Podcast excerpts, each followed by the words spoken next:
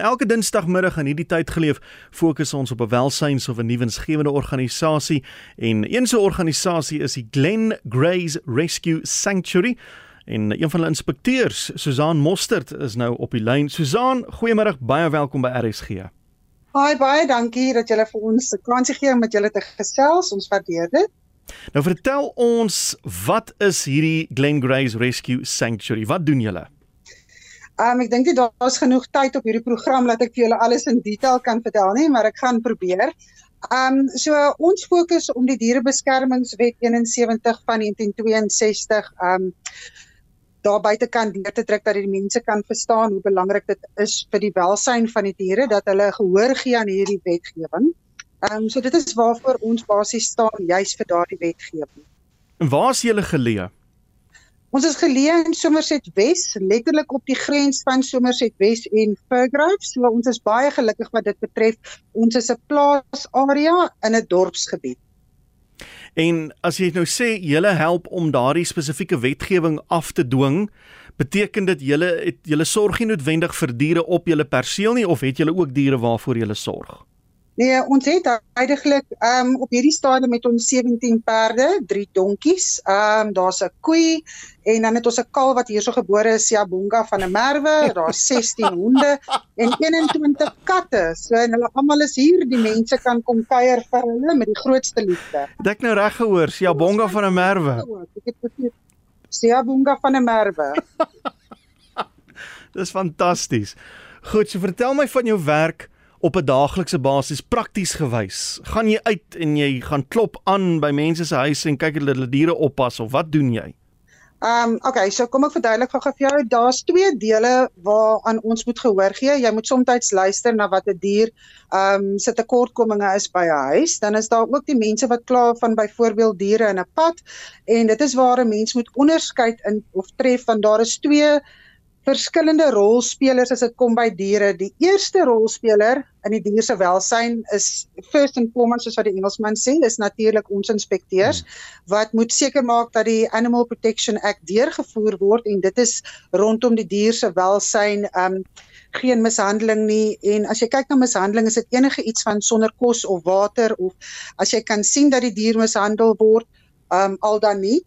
Um Dan is daar ook die ander ene wat gaan rondom die ehm um, wetstoepassing wat moet versorg dat daar geen diere in die strate is. Uh sterilisasie val ook onder die wetstoepassing. Nou kom ons vat 'n donkie vir 'n voorbeeld. Jou definisie van mishandel en my definisie van mishandel kan dalk verskil. Ek het by my pa geleer dat jy klim op 'n donkie en jy piets hom om in die dorp uit te kom anders loop hy nie. En vir jou lyk dit soos mishandeling. Is dit is daar ons teenkanting van die gemeenskap se kant af wanneer jy hierdie wetgewing probeer implementeer? Ja, verseker. Kom ek sê vir jou, ek het al in 'n paar situasies gewees wat um, ek gedink het ek gaan die volgende resting peace wees langs die N2 maar gelukkig daarom nie. Um, ons het al so ver gegaan om 'n hond uit 'n tik woonstal uit te haal. So ja, ons um, werk op 'n daaglikse basis met 'n klomp um, aspekte wat 'n mens ook die ander mense moet in ag neem en hoekom hulle die dier so behandel. So dis hoekom ons baie uniek is in daai um, op in daai opsig want ons probeer werklik die um, gemeenskap wil ek amper sê um, leer. Ons voed hulle op om 'n beter eienaar te kan wees. So ons gee vir hulle al die maatreëls om in plek te sit om 'n goeie eienaar te kan wees. En as hulle dan nie volgens daai maatreëls se eienaar wil wees of kan wees of gaan wees nie, dan gee ons vir hulle 'n waarskuwing met 'n tydperk daaraan verbonde natuurlik, ehm um, wat hulle moet as dit nou kom ons sê net maar die die donkie se slaan metodes is wat mm -hmm. hulle dit nou moet implementeer om 'n donkie op 'n ander manier te kan aanhits in plaas van om hom met 'n sambok te slaan kry vir jou ietsie anders. Um en dan as hulle nie dit doen nie dan neem ons stappe wat ons um dan soms in 'n hof dry. Ons is nou besig met 'n saak van perde wat juis in die hof dry nou. As jy nou kyk na die diere wat jy tans op jou perseel het, hoe lank is hulle daar? Is hulle beskikbaar vir aanneming en uh, hoe sorg julle vir hulle? Waar kom daai fondse vandaan? Weet jy wat nê? Nee? Um my ma het altyd gesê mense is gebore met twee gesonde knieë en kom ek sê vir jou in die in die welsynswêreld veral met diere het jy geleer hoe om jou twee knieë te gebruik want dit is maar net gebed en gebed alleen wat 'n ou aan die gang hou. Hmm want op 'n daaglikse basis, ehm um, as ek nou vir jou vinnig kan verduidelik, as mens net na die perde kyk. Ehm um, ja, my eerste vraag te beantwoord, die diere is vir aanneming hierso, die mense kan kom kyk, hulle kan ons blad ook volg. Ehm um, op Facebook is dit Len Grace Rescue Sanctuary. Ehm um, en dan is daar ook nog 'n klein boetie of 'n sissie blad, ek weet nie wat is die regte Afrikaanse woord vir dit nie, waar al ons aanneembare diertjies is. Ehm um, en dan Ja, die die perde 'n bal bestaan uit 8, mens noem dit sulke skuwe. Um en 'n perd eet 3 kg. So dis omtrent 3 van daai skuwe, maar dit kan tot en met 4 kg wat jy hmm. of 'n maaltyd wees wat jy in 'n sak moet sit. Wat die roughage is, dit is sy beginete, dis soos wat ons ons noodsaaklikste kos nodig het, is dit hulle noodsaaklikste kos en een bal heidaglik gaan vir 160 ehm um, dis uh outy gaan 160 tot 170 rand so as jy 'n vinnige som daar maak dan gaan jy sien dit kos omtrent 3500 4500 net om 'n perd goed te kan voer hmm. en te kan so want baie van hierdie diere wat inkom lyk soos ek kan vir jou sê gitaar maar ek dink 'n viool want die vorm van 'n viool is bietjie beter soms. So, maar dit is ook op ons blad. Hulle kan sien daar presies wat ons hmm. doen, hoe ons met die diere rehabiliteer. Ons maak baie gebruik van mense wat in ook ehm um, dat hulle tyd vir ons gee as hulle tiende vir die gemeenskap wat dan met fisio help, ehm um, met honde was of hondehokke skoonmaak, allerlei sulke tipe van goed. So ja, dit is maar dit is 'n tolorder. Ehm um, dis 'n tolorder ja. Hmm. Maar ons het die gang hou. Ons het nou geen befondsing van die staat nie, hmm. niks. Maar ons het nou in die nuus gehoor, is baie hartseer van uh, al die diere wat in die Vrystaat van kant gemaak moes word as gevolg van die veldbrande. Gebeur dit soms dat julle diere uh, van kant moet maak? Ehm um, dit is ongelukkig, dit is die realiteit waarmee ons werk. Ehm um, en dit is hoekom ons altyd vir die mense vra, jy weet, want hulle is baie, daar's baie keer mense wat baie negatiewe kommentaar baie vinnig is ehm um, op jou Facebook bladsy en dan sê hulle ja, weet jy, was breed geweest, jy kon meer. Hulle moet onthou in die tyd dat as ons 'n dier regtig waar ehm um, moet laat slaap, is dit regtig in daai dier se beste belang want dit is hmm. soms moet 'n mens ehm um, be, of besluit of die dier as jy hom lewendig hou, gaan dit regtig ten bate van die dier wees of gaan dit ten bate van jou eie menslike wil wees omdat jy wil graag wys dat jy kan die dier red want dan is dit wreed. Hmm. Ehm mm. um, so as die prognose volgens 'n veearts nie goed is nie, dan sit 'n mens en 'n mens moet die volwasse onselfsugtige besluit daar neem. Dis maar baie moeilik, maar dit is die realiteit ja. Hmm. Hoe lank is jy al werksaam by die organisasie Susan? 20 jaar. Jo, goed. ja. En het jy nog altyd en, was jy nog was jy nog altyd uh, mal oor diere gewees? Ja, ek was nog altyd mal oor diere. Ek was in 'n baie bevoordeelde posisie. Ehm um, so my ouers is kom altyd van 'n boere agtergrond, ehm um, stoere boere.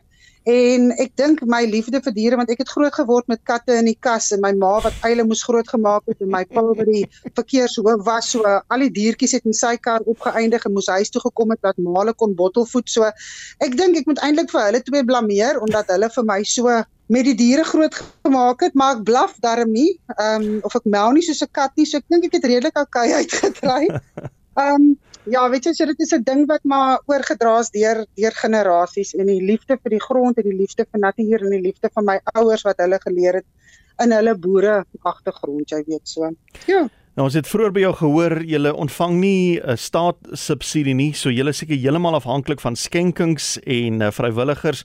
Hoe kan mense maak as hulle by julle betrokke wil raak en watter hoedanigheid ook al as hulle van hulle tyd wil gee of uh, van wil help finansiëel gewys?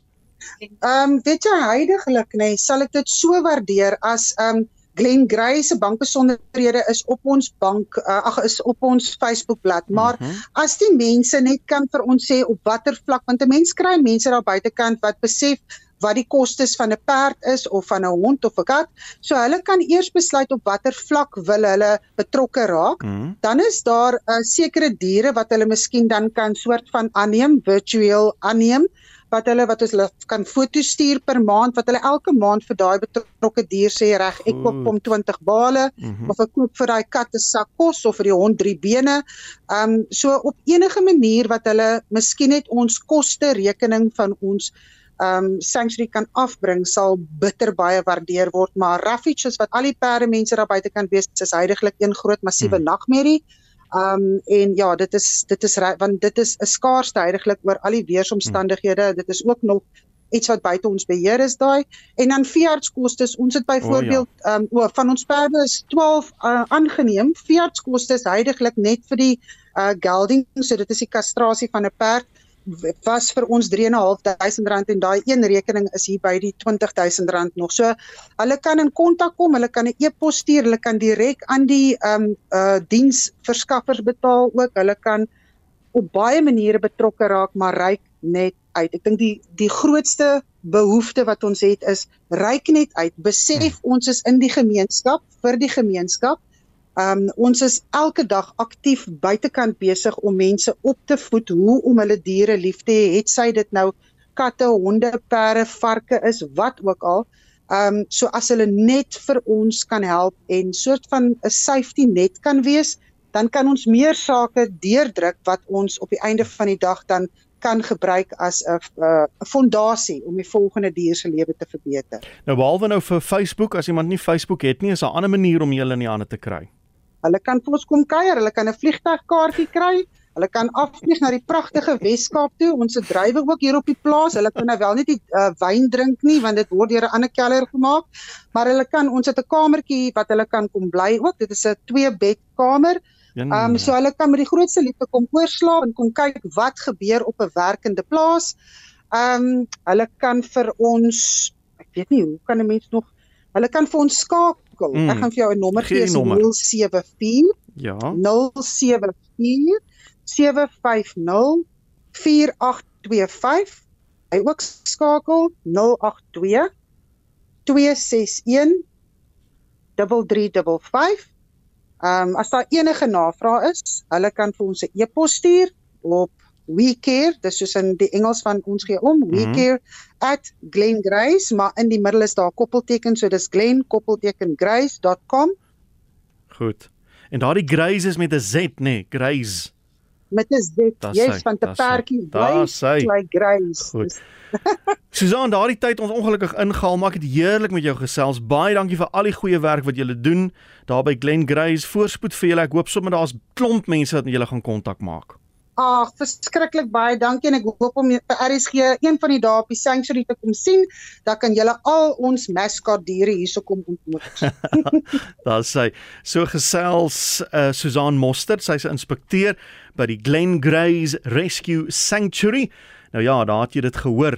Ehm um, al hulle kontakbesonderhede is op Facebook. Gaan soek maar net Glen Grace. Die e-posadres is wecare@glen.com koppeltekengrace.com. Ek gaan vir jou die een telefoonnommer gee wat sy uh, verskaf het en dit is 082 261 3355. Dis 082 261 3355